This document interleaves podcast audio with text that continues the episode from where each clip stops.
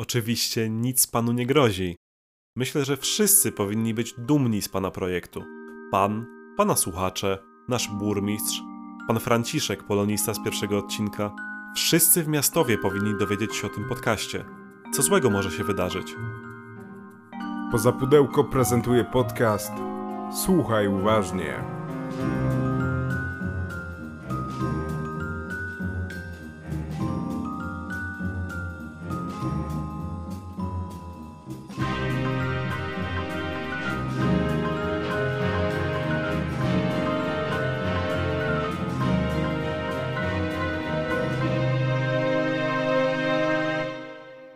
Witajcie w 15 odcinku podcastu Słuchaj uważnie. Zanim zaczniemy, musimy ustalić, kto ukrywał talent poprzednim razem.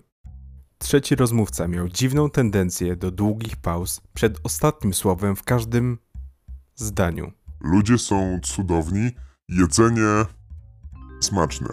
Mógłby to być jakiś szyfr, ale te słowa nie układały się w nic specjalnego. Dopiero ten fragment otworzył nam drogę do odpowiedzi. Często kluczem jest użycie synonimu, żeby podporządkować się do rygoru. Jak się okazało, po zamianie każdego ostatniego słowa na jego synonim, powstała wersja wypowiedzi, która zdradziła wszystko. Oto ona. Jak się panu żyje w miastowie? Jest przestrzeń, więc dobrze się tutaj oddycha. Ludzie są cudowni, jedzenie Pycha. smaczne. Miastowe życie jest bardzo spokojne, tylko zarobki nie są specjalnie Hojne. wysokie. A wierzy pan w klątwę? A myśli pan, że to ma jakieś znaczenie? I tak tu ciągle wszyscy czują Ciśnienie. presję. Trzeba podporządkować się pod zasady. Choćbyśmy chcieli, to nie ma na to Rady. rozwiązania. Dobrze. A ma pan jakąś pasję? Hobby? Przecież mówię, nie ma takiej możliwości. Zresztą zawsze brakowało mi Umiejętności. talentu. Rozumiem. A czym się pan zajmuje? Piszę artykuły dla naszej gazety. To tutaj świetny zarobek dla Poety. mnie. A nie doświadcza pan cenzury związanej z klątwą? Możemy opisać tylko wydarzenia i takie pisanie wymaga Doświadczenia. praktyki. Bez żadnych wniosków, jakiegoś zamysłu, po jakimś czasie pojawia się paraliż Umysł. Mózgu. Chociaż nie musimy naginać i kłamać, to jak mamy poprawki, myślisz... Tu nie wiem co było. Kurczę. Często kluczem jest użycie synonimu, żeby podporządkować się do Reżimu. rygoru. A czy wolno panu zdradzić, gdzie pan pracuje? Nie będzie pana łatwo znaleźć? Mhm. Mam nadzieję, że nikt tutaj się nie dowie i nie znajdą tego moi Szefowie. przełożeni. Możliwe, że był to najbardziej przemyślany sposób na ukrycie talentu do tej pory. Pytanie, czy nie aż za bardzo. Przejdźmy do dzisiejszego wywiadu. Tym razem nie musimy szukać sekretnej pasji. Zaraz przekonacie się dlaczego.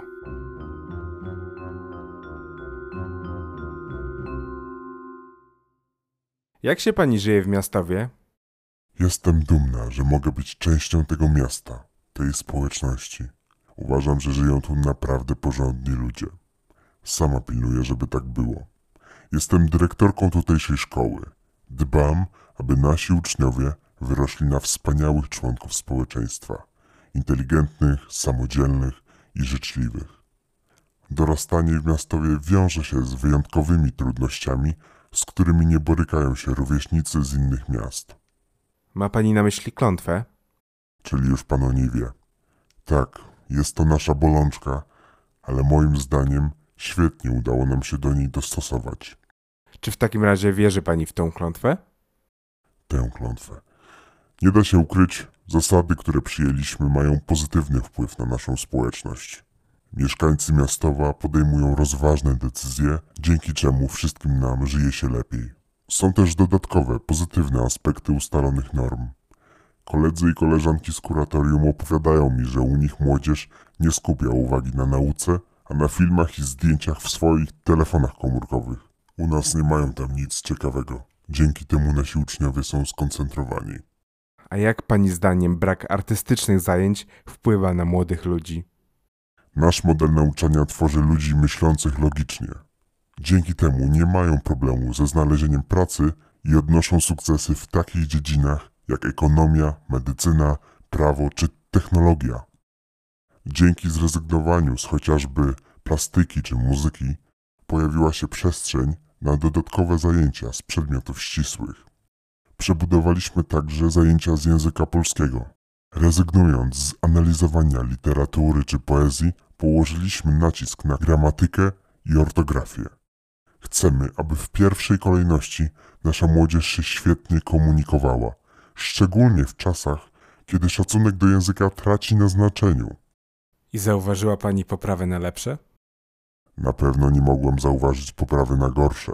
Nie będę ukrywała, ten model, szczególnie na początku, wywoływał pewne kontrowersje.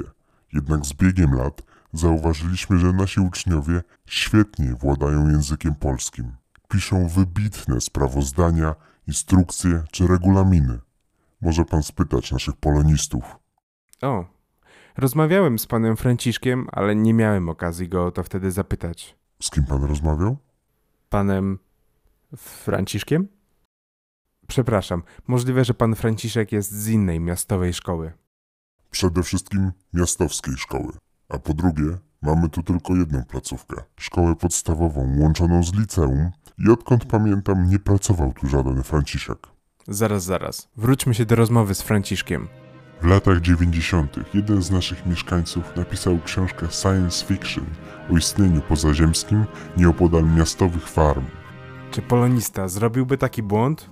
Może ktoś jeszcze go popełnił? Miastowe życie jest bardzo spokojne, tylko zarobki nie są specjalnie wysokie. Dochodzą mnie słuchy, że próbuje pan dowiedzieć się więcej o miastowie. Wchodzi pan na grząski grunt. Zapewne najbardziej interesuje pana miastowa klątwa dotykająca tych, którzy działają kreatywnie. No, nie ma co ukrywać. Ma mnie pan. Czy to oznacza, że za każdym razem to był on? Tak, przyznaję się, to byłem ja. Wszystko by mi się udało, gdyby nie ten wścibski język polski. Musiałem mieć pana na oku. Tutaj każdego mam na oku. Nie tylko pan prowadzi śledztwo w miastowie. Jestem detektywem. Zostałem zatrudniony, żeby robić to, co pan. Szukać kreatywnych. Tylko ja nie bawię się w takie teatrzyki jak pan. Nie przepytuję każdego z osobna, trzymając kciuki, że pomiędzy słowami mi coś zasugerują. Ja jestem skuteczny. To dla kogo pan pracuje? Dla władz? Czy szczerze myśli pan, że odpowiem na to pytanie? W naszej ostatniej korespondencji chciał pan coś wypromować. To było kłamstwo? Nie, akurat to prawda. Po godzinach jestem poetą. Nie ukrywam też, że praca jest główną inspiracją mojej twórczości. Co więcej, wiersze pomagają mi w rozwiązywaniu spraw. Pisząc, wchodzę w umysły moich klientów. Dzięki temu jest mi łatwiej zaradzić ich problemom, a przy okazji moja poezja jest prawdziwsza. Sęk w tym, że trudno mi znaleźć odbiorców. Nie dlatego, że mieszkam w miastowie, po prostu jeszcze nikt się na mnie nie poznał. Do tego coraz mniej ludzi czyta teraz poezję. Myślałem nawet o recytacji swoich wierszy na YouTube czy TikToku, ale niestety mam niezwykle nieprzyjemny głos. Naprawdę. Ale kiedy wysłał mi pan do weryfikacji pierwszy fragment podcastu z pana przyjacielem w mojej roli, zobaczyłem światełko w tunelu. Pomyślałem, że ten aksamitny głos będzie idealny dla mojej poezji, więc chciałem namówić pana do współpracy. Może rzeczywiście ten szantaż nie był jakoś bardzo konieczny. Dlatego chciałem podejść pana z innej strony. Miałem nadzieję, że kiedy odkryje pan mieszkańca miastowa, który jest poetą, będzie chciał mu pan pomóc tak jak tej tatuażystce. Ale jak widać, woli pan teraz wymyślać gry i zabawy. No trudno. PS. Moja oferta jest nadal aktualna. Jeśli pana przyjaciel przeczyta moje dzieła w pana podcaście, jestem gotów podzielić się z panem moimi odkryciami. Z całym szacunkiem, ale pana informator nie wie nic o niczym. Czy ten człowiek jest godny zaufania? Absolutnie nie. Czy zasługuje na rozgłos? Tym bardziej nie. Czy przydałaby nam się pomoc? Dobrze, niech będzie. Proszę podesłać swoje prace. Naprawdę? Świetnie, nie mogę się doczekać. Ale Pójdźmy na kompromis. Przerobię pana wiersze na zagadki, żeby bardziej pasowały do tego podcastu. Niech będzie. Czego się nie robi dla swoich pięciu minut?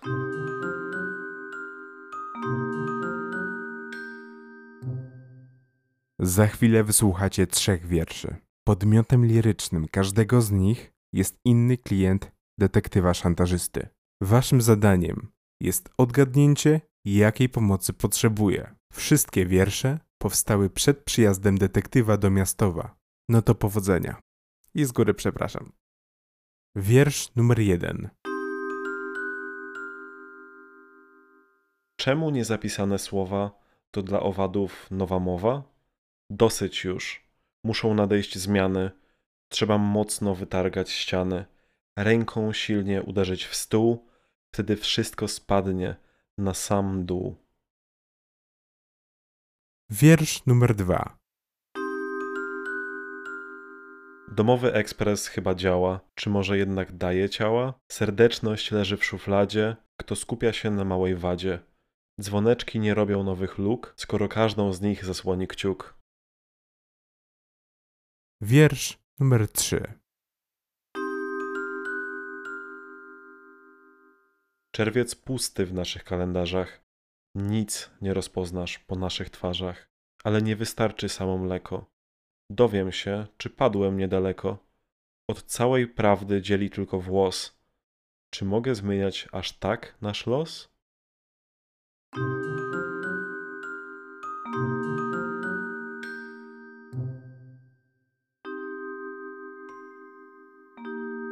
No dobrze, ten wieczór poezji możemy uznać za zakończony. Wpadnijcie na Discord, gdzie wspólnie rozwiążemy dzisiejsze zagadki. Nie zapomnijcie też zaobserwować tego podcastu i ocenić go tam, gdzie się da. Do usłyszenia.